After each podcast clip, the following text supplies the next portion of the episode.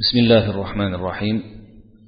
الحمد لله رب العالمين والصلاة والسلام على أشرف الأنبياء والمرسلين نبينا محمد بن عبد الله وعلى آله وصحبه أجمعين ومن تبعهم بإحسان إلى يوم الدين. اللهم علمنا ما ينفعنا وانفعنا بما علمتنا وزدنا علما وعملا يا رب العالمين. Muhtaram birodarlar avvalgi suhbatlardan birida o'lim haqida biroz so'z yuritgan edik. Unda o'limning nima ekanligi o'limning barcha jonzotga muhaqqaq kelishi aniq bo'lgan bir taqdiri azalda belgilab qo'yilgan muddat tugagandan keyin kelishi muqarrar bo'lgan bir ish ekanligini aytib o'tib qabrga qo'yilishi ya'ni insonning vafotidan keyin musulmon bo'lib o'ladigan bo'lsa o'sha musulmonlarning e'tiqodida o'limdan keyin qabr hayoti borligi bu hayot barzax deb atalishi ya'ni o'limdan to qayta tirilgungacha bo'lgan hayot barzax deb atalishi. Barzaxda kofirlar ya'ni alloh taologa iymonsiz holda o'lgan kishilar hamda ba'zi musulmonlar qabr azobiga yo'liqishi haqida oxirgi suhbatning oxirida to'xtalib bu haqda ba'zi hadislarni keltirgan edik. Ma'lumki kishining o'limidan nari tomon bo'lgan hayotni barchasi g'ayb ilmlaridan hisoblanadi. O'limdan keyingi hayot insonning aqli ihota qila olmaydigan ishlardan hisoblanadi. Sezgi organlari bilan idrok eta olish mumkin bo'lmagan ishlardan hisoblanadi. Demak shunga ko'ra bu haqda kelgan nususlarni xoh qur'oni karimda kelgan oyatlar bo'lsin. Xoh hadisi nabaviyda kelgan payg'ambar sollallohu alayhi vasallamni haq so'zlari bo'lsin. Shu asosda ya'ni bu g'ayb ilmi ekanligi asosida tushunishimiz kerak bo'ladi. Qur'oni karimda azobi qabrga dalolat qiladigan oyatlar bir nechta. Ulamolar bu haqda ancha batafsil so'zlashgan. Hozirgi suhbatimizda asosiy oyatlarni keltirib unga dalolat qiluvchi oyatlarni ko'maklovchi boshqa hali avvalgi suhbatimizda keltirilmagan ba'zi hadislardan ham keltirib o'tishga harakat qilaman. Qur'oni karimda qabr azobi va qabrdagi lazzatga ya'ni dunyoda boamal bo'lib yaxshi amal qilib yurganlar uchun qabr lazzatiyu qabrda bo'ladigan ne'matlar isyonchilar gunohkorlar uchun qabr azobi to'g'risidagi oyatlardan ba'zilarini boshlaymiz keltirishni alloh taolo surai g'ofir surasida mana shunday deydi النار يعرضون عليها غدوا وعشيا ويوم تقوم الساعة أدخلوا آل فرعون أشد العذاب alloh taolo fir'avn va unga ergashgan kishilarni isyonlarini ularning kufrlarini payg'ambar muso alayhissalomga bo'lgan sarkashliklari bo'yin sunmaganliklarini gapirib ularning oqibati dunyodagi oqibati nimalar bilan tugaganligini aytib o'tganidan so'ng shunday deydi. Ular o'tga erta va kech ko'ndalang qilinadilar. Qiyomat qoim bo'lganida esa ularga shunday xitob keladiki fir'avn ahlini ya'ni fir'avnga ergashganlarni azoblarning eng qattig'iga kiritinglar degan buyruq keladi. Bu yerda o'tga ko'ndalang qilinadilar qo'yiladilar degan ma'no qiyomat ilgari qiyomatdan ilgari bo'layotgan azobga dalolat qilib turganligini mana oyatni siyoqidan oqimidan ko'rib turibsiz. Chunki o'sha oyatning o'zidayoq alloh taolo boya tarjima qilib aytganimizdek qiyomat qoim bo'lganida esa fir'avn ahlini azobning eng qattig'iga kiritinglar deb buyruq qilyapti. Bu narsa qabr azobining sobit ekanligiga dalolat qiladi deydilar ulamolar. Bu ma'noni mana shu xuddi shu ma'noni ifoda etib imom buxoriy bilan imom muslimni sahihlarida ibn umar roziyallohu anhudan ushbu hadis keladi. Payg'ambar sollallohu alayhi vasallam aytdilarki sizlarni birontalaring o'lganidan keyin unga o'zining o'tiradigan o'rni ertayu kech ya'ni ertalab va kechqurun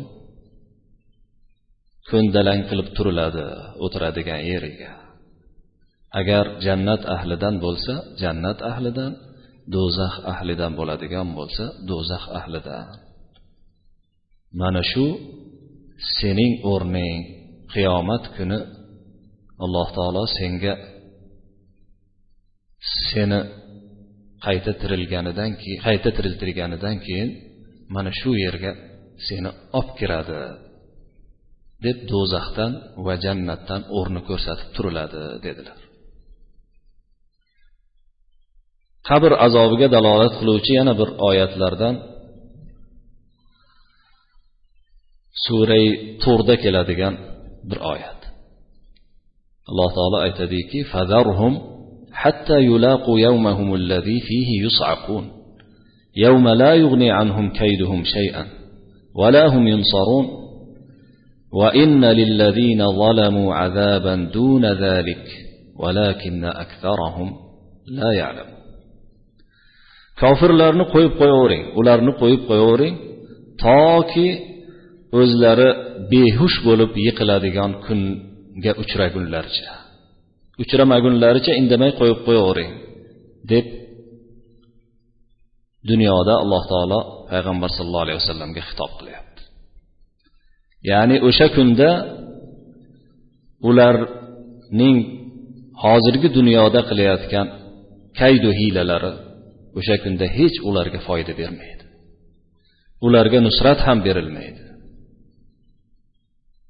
Bunday zolim kimsalar uchun hali undan ilgari ham azob bor. Undan oldin ham undan pastroqda.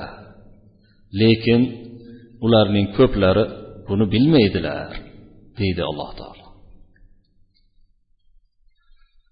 Imomi tabariy mufassirlarning eng imomlaridan biri shayxul mufassirin deb ataladi. Mufassirlarning eng katta shayxlaridan biri tafsir ilmini asoschilaridan bittalari ibn abbos roziyallohu anhudan xuddi shu oyatda mana shunday deganlarini rivoyat qiladilar. Bu kofir bo'lgan zolim bo'lgan kimsalar uchun o'shandan pastroqda yana bir azob bor deganda ibn abbos aytdilarki qabr azobi qiyomat kunidagi azobdan ilgari bo'lgan qabr azobiga dalolat bu oyat dedilar yana bir oyatda anom surasida alloh taolo mana shunday deydi ولو ترى إذ الظالمون في غمرات الموت والملائكة باسطوا أيديهم أخرجوا أنفسكم اليوم تجزون عذاب الهون بما كنتم تقولون على الله غير الحق وكنتم عن آياته تستكبرون siz ko'rsangiz edi zolimlarning o'lim talvasalarida sakarotlarida qanday bu holda ekanliklarini ko'rsangiz edi maloikalar esa o'sha vaqtda qo'llarini yoyganlaricha ularga o'zlaringni chiqaringlar ya'ni jonlaringni chiqaringlar. Bugun bugun alloh taologa haqiqatdan boshqa narsani aytib yurganlaring uchun ya'ni allohga yolg'on so'zlab alloh taoloni oyatlarini inkor qilib yurganlaring uchun xor alamli azobga uchraysizlar. Deganini ko'rsangiz edi deydi alloh taolo. Azob maloikalarining farishtalarining bugun deb aytishlari o'sha vaqtdagi ya'ni jon chiqardan boshlab bo'ladigan vaqtga dalolat qiladi. Bu narsa esa qiyomat kunidan ilgari bo'lishi shubhasiz. Bu ham o'sha azobi qabrga dalolat qiluvchi oyatlarni bittalari hisoblanadi. Hadislar o'tgan suhbatimizda ba'zilari aytib o'tildi. Yana undan tashqari juda ko'p hadislar bor ba'zilarini men bu yerda keltirib o'taman. Hammasi sahih hadislar. Ba'zilari sahihaynda kelgan ba'zilari sahihaynni bittalarida kelgan ba'zilari esa boshqa kitoblarda kelgani bilan sahih bo'lgan sanadi payg'ambar sallallohu alayhi vasallamga ishonchli roviylar tarafidan rivoyat qilingan hadislar hisoblanadi. Zayd ibn sobit roziyallohu anhudan rivoyat qilinadiki payg'ambar sallallohu alayhi vasallam to'g'rilarida aytib u kishi aytadilarki bir kuni payg'ambar sollallohu alayhi vasallam banu najjor qabilasini bog'laridan birida o'zlarini hachirlari ustida turgan edilar. Biz ular kishini atrofida edik. Shunda hachir bir burilib ketdida qiyshayib payg'ambar sallallohu alayhi vasallamni yiqitib yuborishiga sal qoldi. Qarasak o'sha joyda besh yo oltita yo to'rt kishini qabri bor ekan.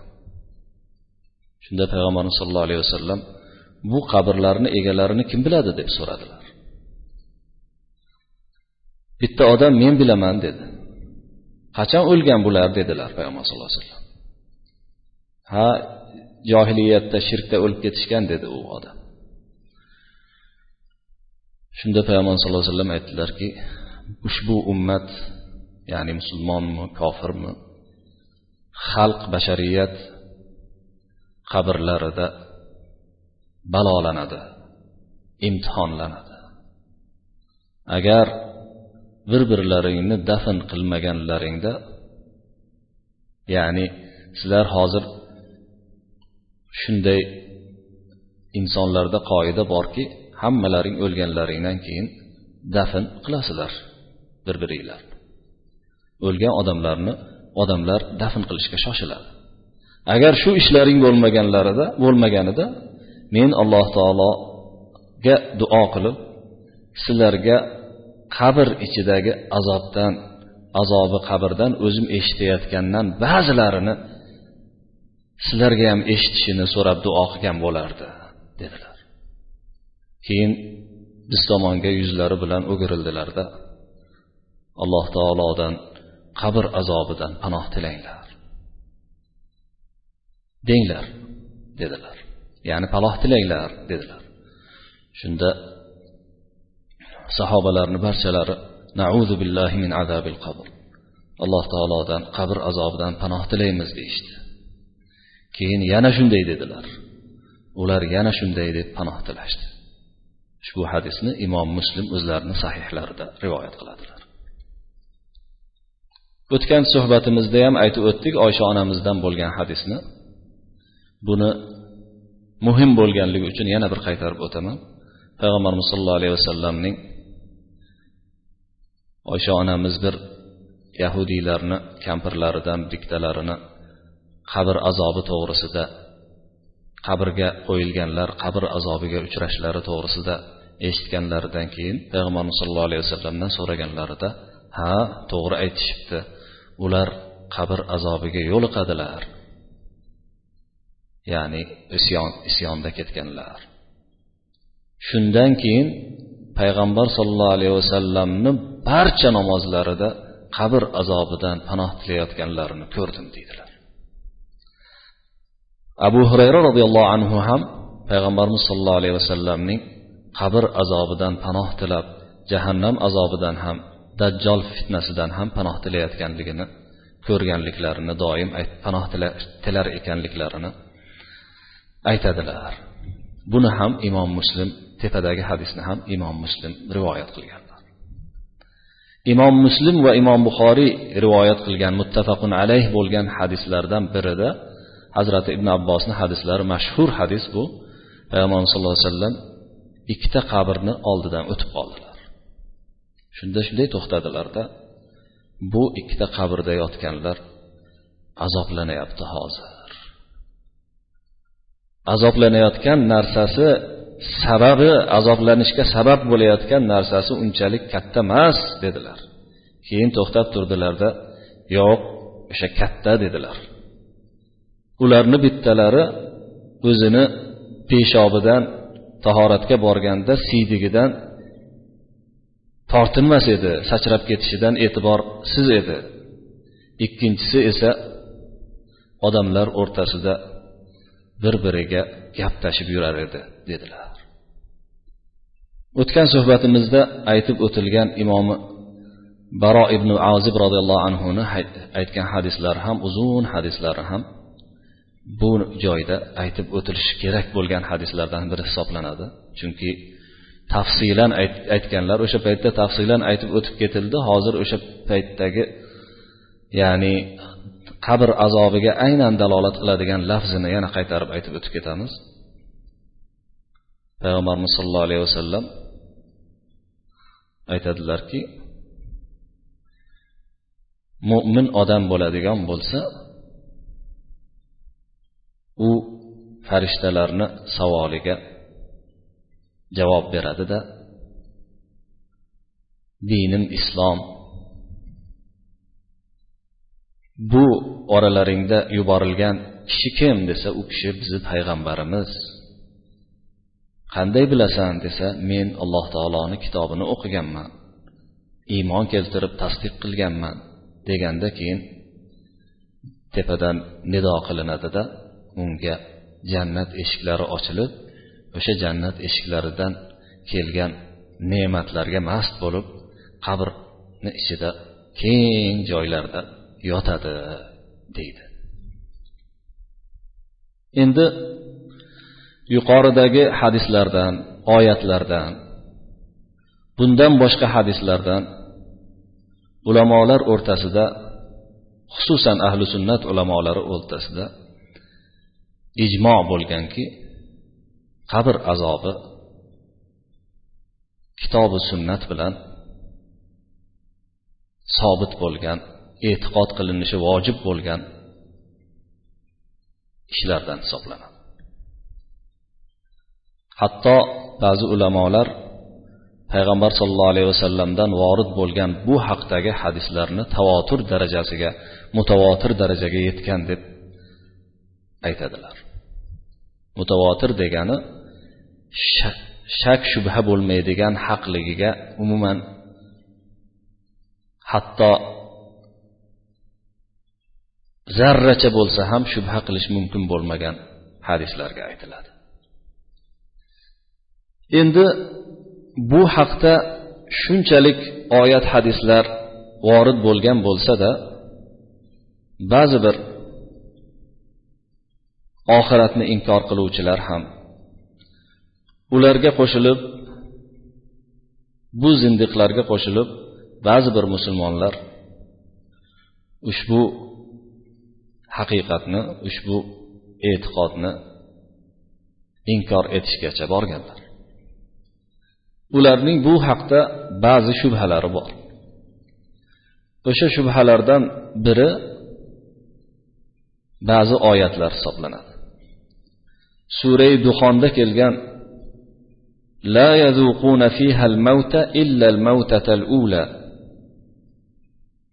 degan oyatni ba'zi bir ilgari o'tgan kishilar qabr azobini bo'lmasligiga dalil bo'ladi deb gapirishgan. Ba'zi bir mo'tazilalar e'tizoli e'tiqodda bo'lgan kishilar. Ya'ni ular kishilar o'limni totmaydilar faqat bir martagina birinchi o'limnigina totadilar degan oyatni keltirishib agar qabrlarida mana ular azoblanadi qabrlarida hayot bor deyapsizlar. Agar qabrlarida azoblanadigan bo'lsa hayot bo'ladigan bo'lsa o'limni ikki marta tortish kerak ediyu. Hayotlari tugaganda birinchi hayotda o'lim bo'lgandan keyin ikkinchi marta esa barzax hayoti tugab hashr mahshar boshlangan paytda qayta tirilish boshlanganda deyishadi. Bularni bu shubhasi aslida o'limdan keyingi hayotning o'limdan oldingi hayotga taqqoslanishidan kelib chiqqan. Holbuki o'limdan keyingi hayotga insonni aqli yetmaydi. Bu hayot barzax hayoti hisoblanadi. Qur'onda tepada kelgan la yazuquna fihal mauta unda insonlar bittagina o'limni totadilar. Birinchi o'limni keyin qiyomatda tiriladilar. Ma'nosidagi oyatda o'sha qabrdan oldingi o'limdan qabr hayotiga bo'lgan intiqol o'limni nazarda tutyapti alloh taolo. Bu yoqdagi hayot qabrdan keyingi hayot esa u o'lim hayoti o'lim holatida ular bunga hech kim shubha qilmaydi. Chunki qabrdagi azob bu haqda hali vaqt bo'lsa suhbat qilarmiz vaqt bo'lmasa buni hozirdan bir e, bir qismini aytib o'tib ketmoqchiman. Qabrdagi hayot bu barzax hayoti bo'lgandan keyin yuqoridagi tepadagi hayotga umuman o'xshamaydigan hayot. Asosan undagi azob va ne'mat asosan ruhga bo'ladi. Ruhga bo'ladi. Badanga uni ta'siri bo'lsada ruhga azob bo'ladi asosan. Bu ahli sunnatni e'tiqodlaridan hisoblanadi. Ruhni badanga taalluqi bor bo'lganligi uchun qabr hayoti qabrda bo'ladi bu azob. Keyin yana bir shubhalaridan biri ularning bu shubha endi ko'proq oxiratni inkor qiladiganlar o'zlarini aqliga suyanadiganlarda ko'proq bo'ladi. Shubhalari shundan iboratki